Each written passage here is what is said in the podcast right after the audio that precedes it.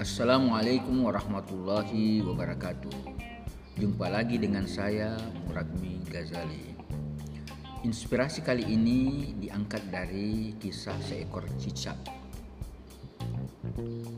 Ada sebuah cerita dari Jepang. Ada seorang warga Jepang hendak pasi rumahnya.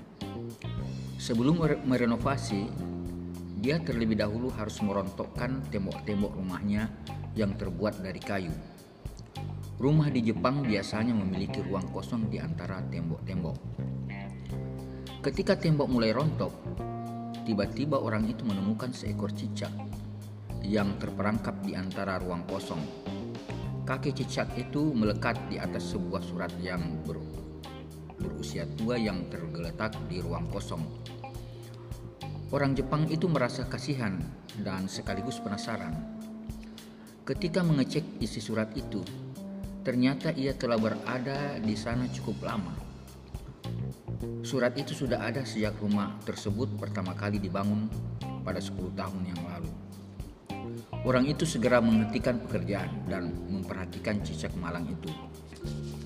Ia bertanya-tanya dalam hatinya, apa yang terjadi?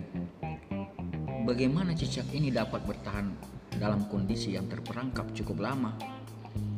Di tengah gelap gulita dalam masa yang panjang, cicak itu tidak bisa bergerak sedikit pun. Ini adalah sesuatu yang mustahil dan tidak masuk akal, kata orang Jepang itu. Tapi tiba-tiba dia dikagetkan dengan kemunculan seekor cicak lain sambil membawa makanan untuk cicak yang terperangkap itu.